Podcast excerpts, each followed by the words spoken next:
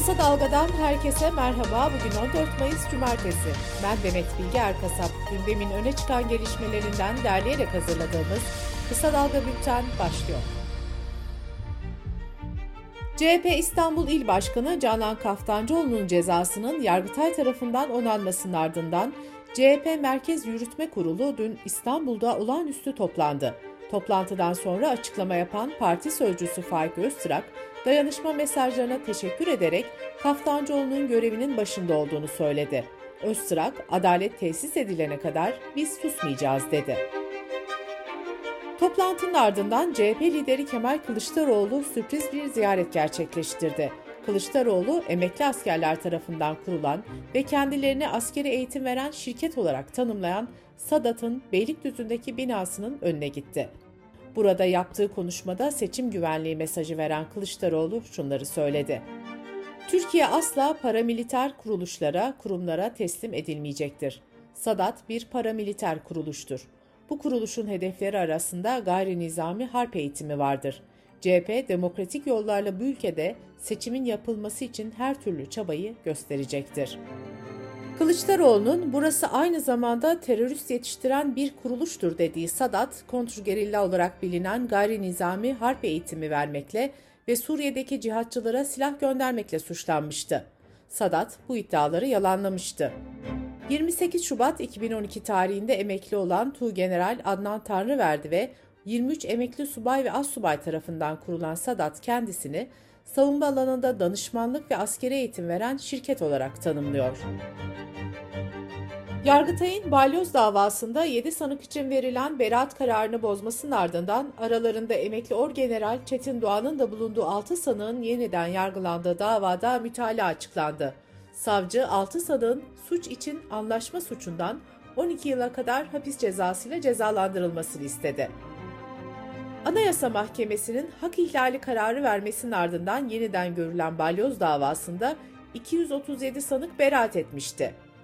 Anadolu Cumhuriyet Başsavcılığı beraat kararına 7 sanık yönünden itiraz etmişti. Yargıtay da itirazı yerinde görerek beraat kararlarını bozmuştu. Yargılama aşamasında sanıklardan Metin Yavuz hayatını kaybetmişti.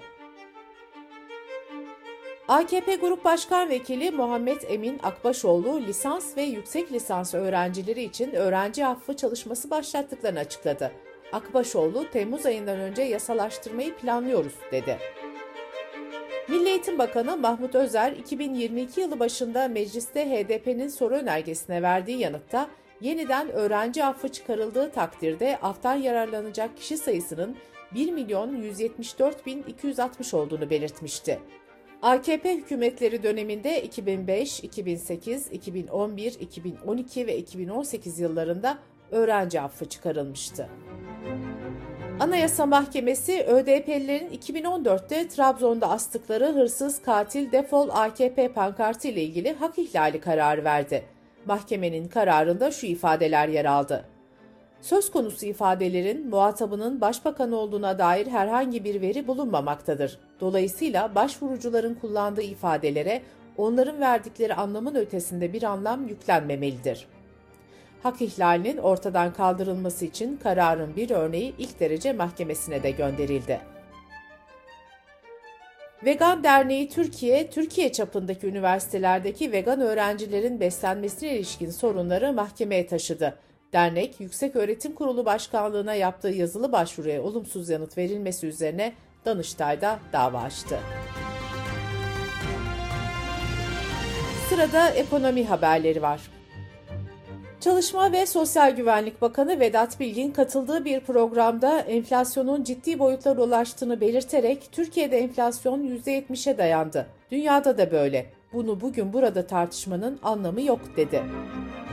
3600 ek gösterge çözümünü bu ay sonunda tamamlayacaklarını belirten Bakan Bilgin, EYT'liler konusunda da hepsini adım adım çözeceğiz.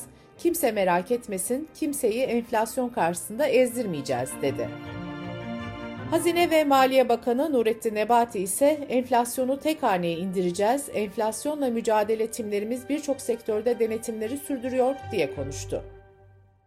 Gallup araştırma şirketi Türkiye'de geçen yıl Aralık ayında yaptığı ankete dair bir analiz yayımladı. Analize göre Türkiye'de her 100 kişiden yaklaşık 4'ü yoksulluk nedeniyle acı çektiğini düşünüyor. Yetişkinlerin %56'sı ise hane içi gelirleriyle geçinmenin zor ya da çok zor olduğunu söylüyor.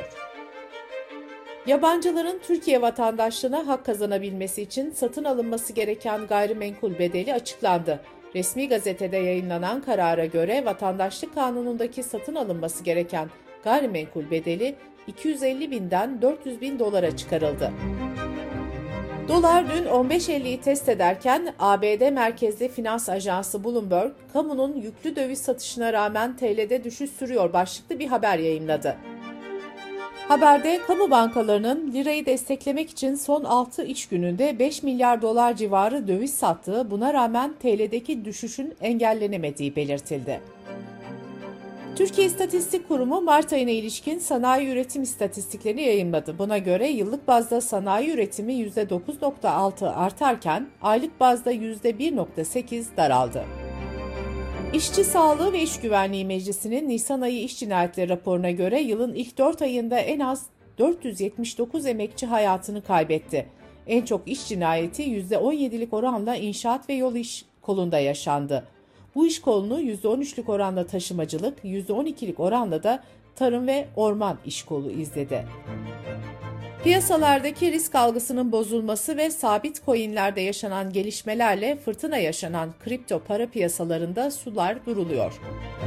Bloomberg HT'nin haberine göre Bitcoin yeniden 30 bin doların üzerini gördü. Diğer kripto varlıkların fiyatlarında da yukarı yönlü hareket görüldü. Bitcoin önceki gün 27 bin doların altını test ederek Ocak 2021'den bu yana en düşük seviyesini görmüştü. ABD'li milyarder Elon Musk, Twitter'ı satın alma anlaşmasının sahte hesaplar nedeniyle geçici olarak askıya alındığını duyurdu. Musk'ın açıklamasıyla birlikte Twitter hisseleri yaklaşık %19 oranında değer kaybetti. Dış politika ve dünyadan gelişmelerle kısa dalga bültene devam ediyoruz. Cumhurbaşkanı Erdoğan, İsveç ve Finlandiya'nın NATO'ya üye olmasına olumlu bakmadıklarını söyledi. Rusya ile 1300 kilometre uzunluğunda kara sınırı olan Finlandiya'nın Cumhurbaşkanı ve Başbakanı önceki gün ortak açıklama yaparak NATO üyeliği başvurusunun gecikmeden yapılması mesajı vermişti. Kremlin ise bugüne dek tarafsız bir politika izleyen Finlandiya'nın NATO üyeliğinin Rusya için kesin bir tehdit oluşturacağını söyleyerek orantılı yanıt vereceklerini belirtmişti. Birleşik Arap Emirlikleri'nin devlet başkanı Şeyh Halife bin Zayed El Nahyan hayatını kaybetti. Birleşik Arap Emirlikleri haber ajansı Nahyan'ın 73 yaşında öldüğünü duyurdu. Nahyan'ın ölümünün ardından tahta Abu Dhabi Veliaht Prensi Muhammed bin Zayed Al Nahyan'ın geçmesi bekleniyor. Ukrayna'nın Sumi bölgesinde bisiklet kullanan bir sivili ateş açarak öldürmekle suçlanan 21 yaşındaki bir asker, Kiev'in savaş suçu ile yargılayacağı ilk Rusya vatandaşı oldu. Irak parlamentosunda kabul edilen yeni yasaya göre İsrail'le normalleşmeye dönük adım atan kişi ve kurumlara idam dahil ağır cezalar uygulanacak. Filistinli gruplardan da karara destek mesajları geldi. ABD Başkanı Joe Biden'ın 20-24 Mayıs'ta Japonya ve Güney Kore ziyareti öncesi Kuzey Kore'den yeni bir füze denemesi yapıldı. Japonya, Kuzey Kore'ye protesto notası verdi. Kuzey Kore'nin bu yılın başından beri füze denemesi sayısı 15'e yükseldi. Beyaz Saray'dan önceki gün yapılan açıklamada Kuzey Kore'nin peş peşe füze denemesi faaliyetlerini yakından takip ettikleri belirtilmişti. İngiltere'de kimi büyük süpermarket ve kahve zincirleri tavuk eti tedarik ettikleri bir fabrikada salmonella bakterisi bulunması üzerine raflarındaki ürünleri toplama kararı aldı. İngiltere'de bir mahkeme dikkat çeken bir karara imza attı. 24 yıl boyunca çalıştığı şirketten kovulan bir kişi kendisine kel pislik diyen yöneticisinden şikayetçi oldu. Mahkeme saç dökülmesinin erkeklerde daha yaygın görüldüğünü belirterek bu hakaretin cinsiyetçi bir hakaret olduğunu hükmetti ve davayı açan Tony Finn'i haklı buldu.